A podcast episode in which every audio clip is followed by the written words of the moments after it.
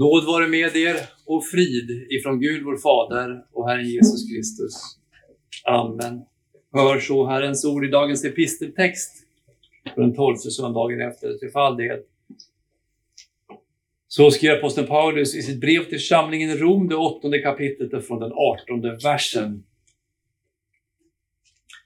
Jag hävdar att den här tidens lidanden väger lätt i jämförelse med den härlighet som kommer att uppenbaras och bli vår.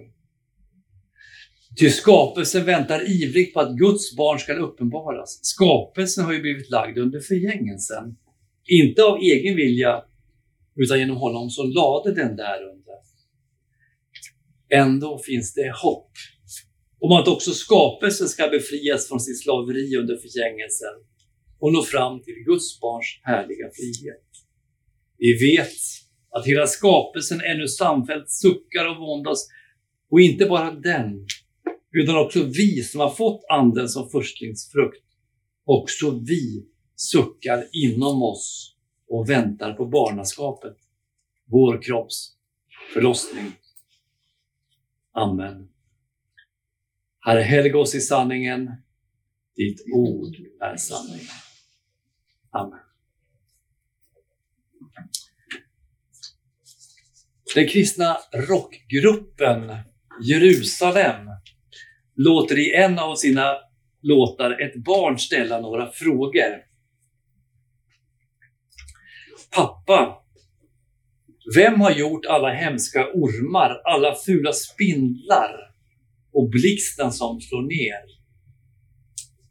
Pappa, vem har gjort barnen som svälter, mammorna som gråter och farfar som är sjuk?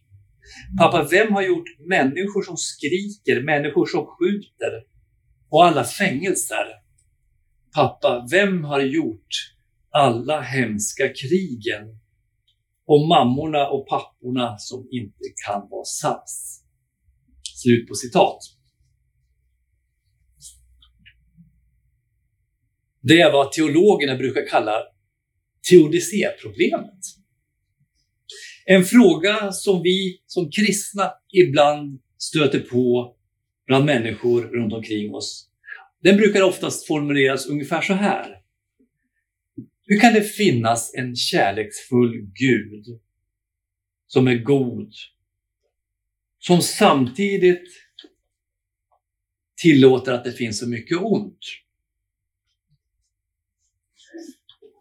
Om Gud är kärleksfull så borde han vilja ta bort det onda.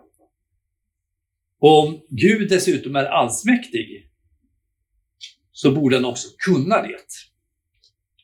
Ungefär så. Dagens text besvarar den här frågan. Men jag håller med om den reformerte predikanten Woody Bauchman junior, som menar att frågan ställs på, ofta på fel sätt. Jag citerar honom. Han säger så här.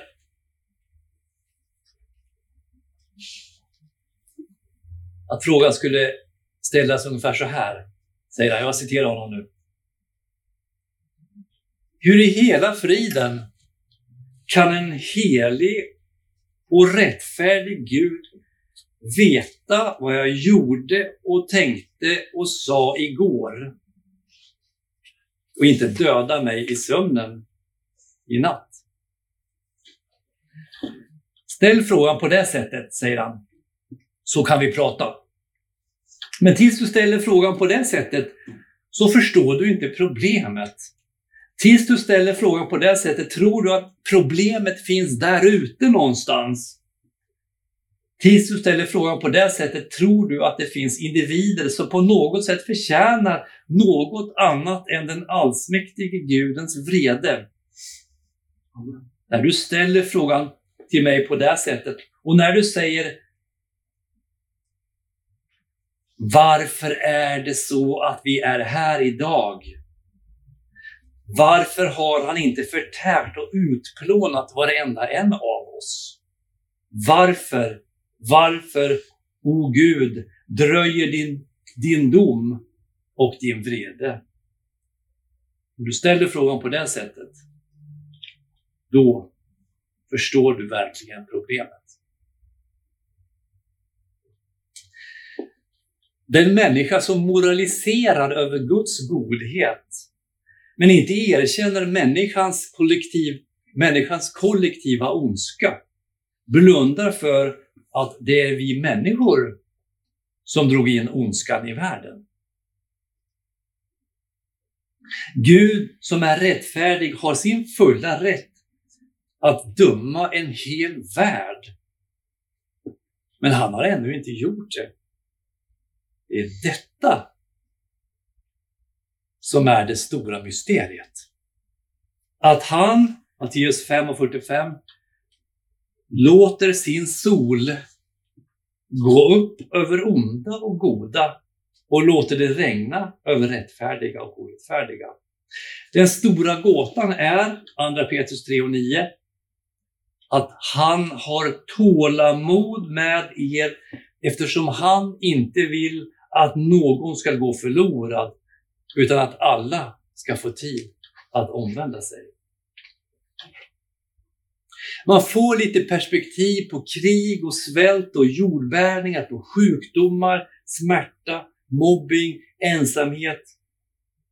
Och man har klart för sig att i den värld som Gud skapade så fanns ingen av dessa problem. Vi har ju svårt att föreställa oss en värld utan tårar, utan smärta, utan ångest. En värld fylld av glädje, gemenskap, med friska och starka kroppar och med kärlek utan gräns. Men det var så Gud skapade världen. Första Mosebok 1 och 31. Gud såg på allt som han hade gjort och se, det var mycket gott. Och det blev afton och det blev morgon. Det var den sjätte dagen. Det var det syftet Gud skapade allting till. Fullkomlig harmoni. Och det syftet var kringgärdat av ett tryggt staket. Guds vilja, Guds lag. Med Guds lag, med Guds vilja, så kunde den första människan, Adam och Eva, nå hela vägen fram. Idag ser det inte ut som Gud hade tänkt sig. Men eftersom hela skapelsen är gjord, tillverkad för det syftet, fullkomlighet, harmoni, så ligger i hela skapelsens ofullkomlighet ett sträckande efter, en längtan efter, en suckan efter det som den ännu inte har.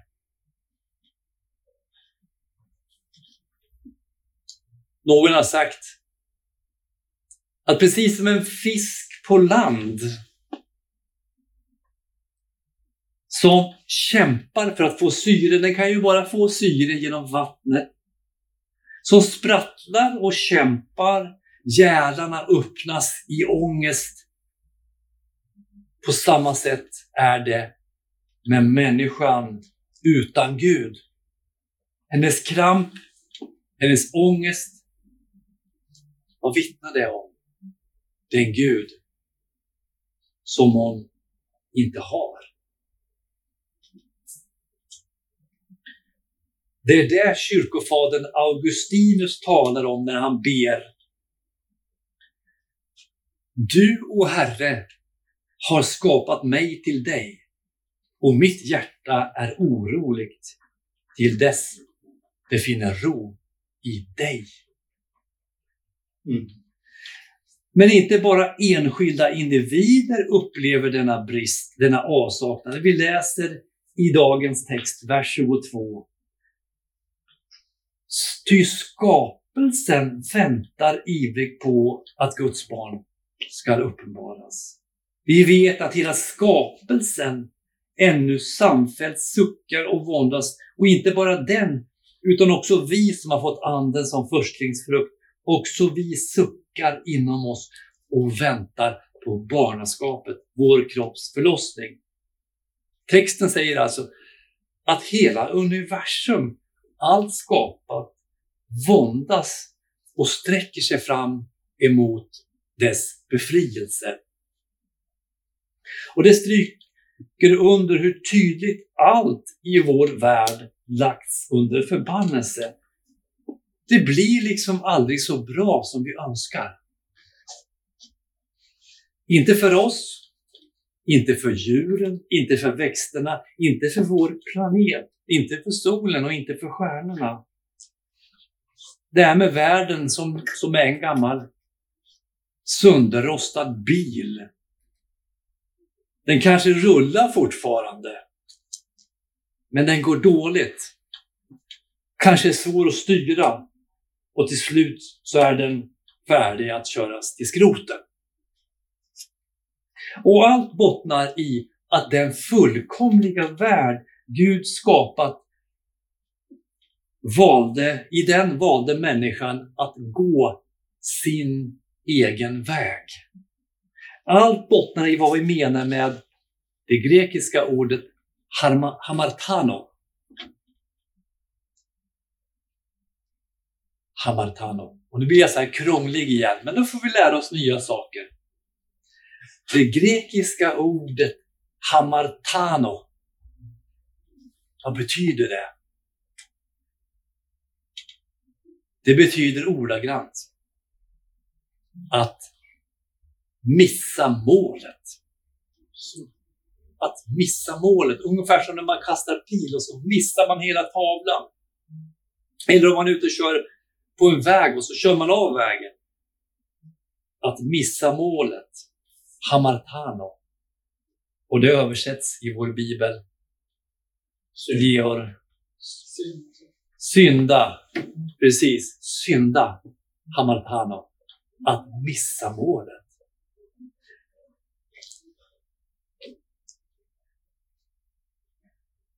Människan missade målet när hon inte höll Guds lag. I Eden. Och i hela mänsklighetens historia.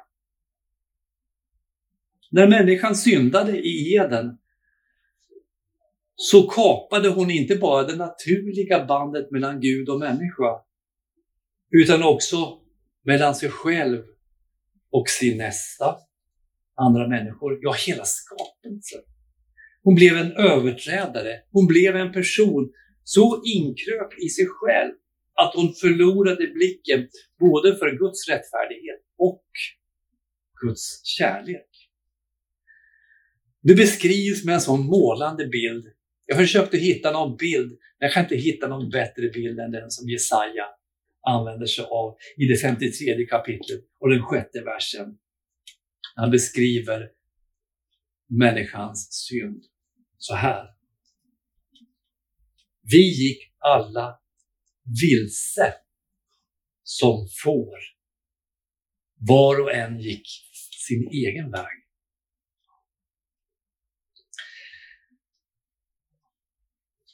Men det är inte så att synden är en sorts mystisk kraft som själv har en energi och kraft att lägga allting under förgängelsen. Dagens text säger skapelsen har ju blivit lagd under förgängelsen, inte av egen vilja, utan genom honom som lade den därunder. Det är Gud själv som lagt allting under förgängelsen. Och allt hände som en konsekvens av människans synd. Adam och Eva hade valt olydnaden framför Guds vilja som vi läser i Första Moseboks tredje kapitel. Till kvinnan sa han, Jag ska göra din möda stor när du blir havande. Med smärta ska du föda dina barn. Till Adam sa han, du lyssnade på din hustru och åt av det träd om vilket jag befallt dig, du skall inte äta av det. Därför ska marken vara förbannad för din skull. Med möda ska du livnära dig av den så länge du lever. Törne och tistel skall den bära åt dig och du skall äta av markens örter. I ditt anletes svett skall du äta ditt bröd till dess du vänder åter till jorden, ty av den har du tagits. Jord är du och jord ska du återbli. Så lidandet bottnar i Adams skuld. Det är inte en slump att vi drabbas av lidande. Som profeten Jobb konstaterar i sin bok, Jobs bok, det femte kapitlet från den sjätte versen.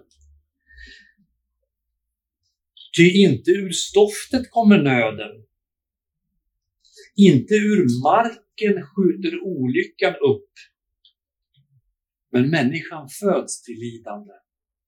Liksom eldgnistor flyger mot höjden. Fast han tillägger i versen efter.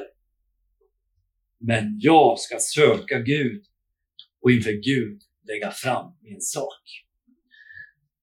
Och dagens text ger oss hopp inför framtiden. Skapelsen har blivit lagd under förgängelsen, inte av egen vilja utan genom honom som lade den där under. Ändå finns det hopp om att också skapelsen skall befrias från sitt slaveri under förgängelsen och nå fram till Guds barns härliga frihet. Gud hade inte menat att skapelsen skulle förbli under den förbannelse den vilar under. En dag skulle befrielsen komma. Gud gav aposteln Johannes en inblick i den världen när han säger Och jag såg en ny himmel och en ny jord. Uppenbarelseboken 21 och 1. Det är den första himlen och den första jorden hade försvunnit och havet fanns inte mer. Och jag såg den heliga staden, den, ny, det nya Jerusalem, komma ner från himlen från Gud, redo som en brud som är smyckad för sin brudgång. Och jag hörde en stark röst från tronen säga Se, nu står Guds tabernakel bland människorna och han skall bo hos dem och det skall vara hans folk och Gud själv skall vara hos dem. Och han skall tolka deras tårar från deras ögon. Döden skall inte finnas mer och ingen sorg och ingen gråt och ingen plåga. Det är det som förr var är borta. Det finns ett då, nu och snart. Det finns ett varför och det finns ett därför. Hela den värld Gud skapat drabbades av eländet genom människan. Och Gud lät förbannelsen falla över världen för den skull. Och den skulle ha fallit också över människan slutgiltigt. Om inte Gud själv sänt sin son till världen. Skriften säger, Galaterbrevet 3 och 13, säger den, Kristus friköpte oss från lagens förbannelse när han blev en förbannelse i vårt ställe. När Guds son hänger på korset så bär han vår synd och skuld och så faller den förbannelse, det straff som vi alla hade förtjänat över honom. Andra Korintierbrevet 5 och 21. Den som inte visste av synd, honom har Gud i vårt ställe gjort till synd för att vi i honom skulle stå rättfärdiga inför Gud.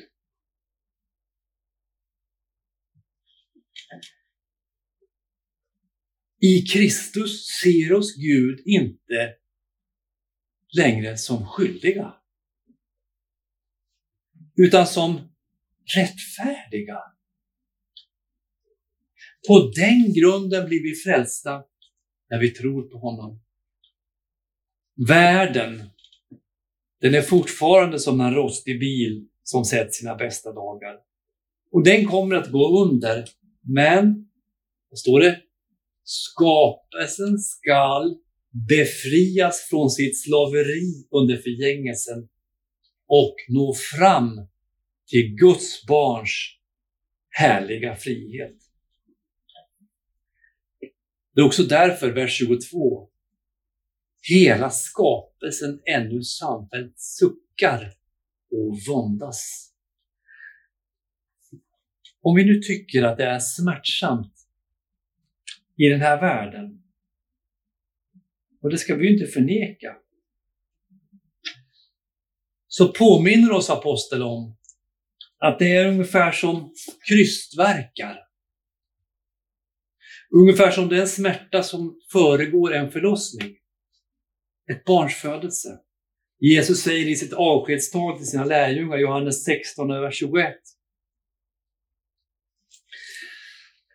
När en kvinna föder barn har hon svåra smärtor, ty hennes stund har kommit. Men när hon har fött barnet kommer hon inte längre ihåg sin smärta i glädjen över att en människa blivit född till världen. Nu är också ni bedrövade. Men jag ska se er igen och då ska era hjärtan glädja sig och ingen ska ta er glädje ifrån er. Skapelsen suckar men inte bara den, vers 23, utan också vi som fått anden som förstlingsfrukt. Också vi suckar inom oss och väntar på barnaskapet, vår kropps förlossning. När våra liv läggs i Guds hand, när vi förtröstar på Jesus Kristus, Guds son, som vår frälsare, så har Gud, Galaterbrevet 4 och 6, 6 sänt i våra hjärtan sin sons ande som ropar Abba fader. Där vi ännu inte äger av den fulla gemenskapen med Gud har vi fått del av som ett förskott vad står det? En förstlingsfrukt. Det är det första man skördar av, en, av eh, i en skörd, förstlingsfrukten. Vi har fått en förstlingsfrukt. Vad är det för någonting? Varje, ja den heliga Ande. Varje gång vi hör evangeliet om nåden och förlåtelsen genom Jesus Kristus. Varje gång vi tar del av nattvarden, Kristi kropp och blod under bröd och vin, så förenas vi med den himmelska verklighet som vi en gång ska få skåda med våra fysiska ögon och uppleva med våra kroppar. På den yttersta dagen i uppståndelsen. Då får vi skåda vår älskade frälsares Jesu Kristi ansikte och allt upprättas som har varit trasigt. Vi får leva i den nya värld Gud skapat för oss, för evigt. Efter detta längtar alla Guds barn. Amen. Låt oss bedja.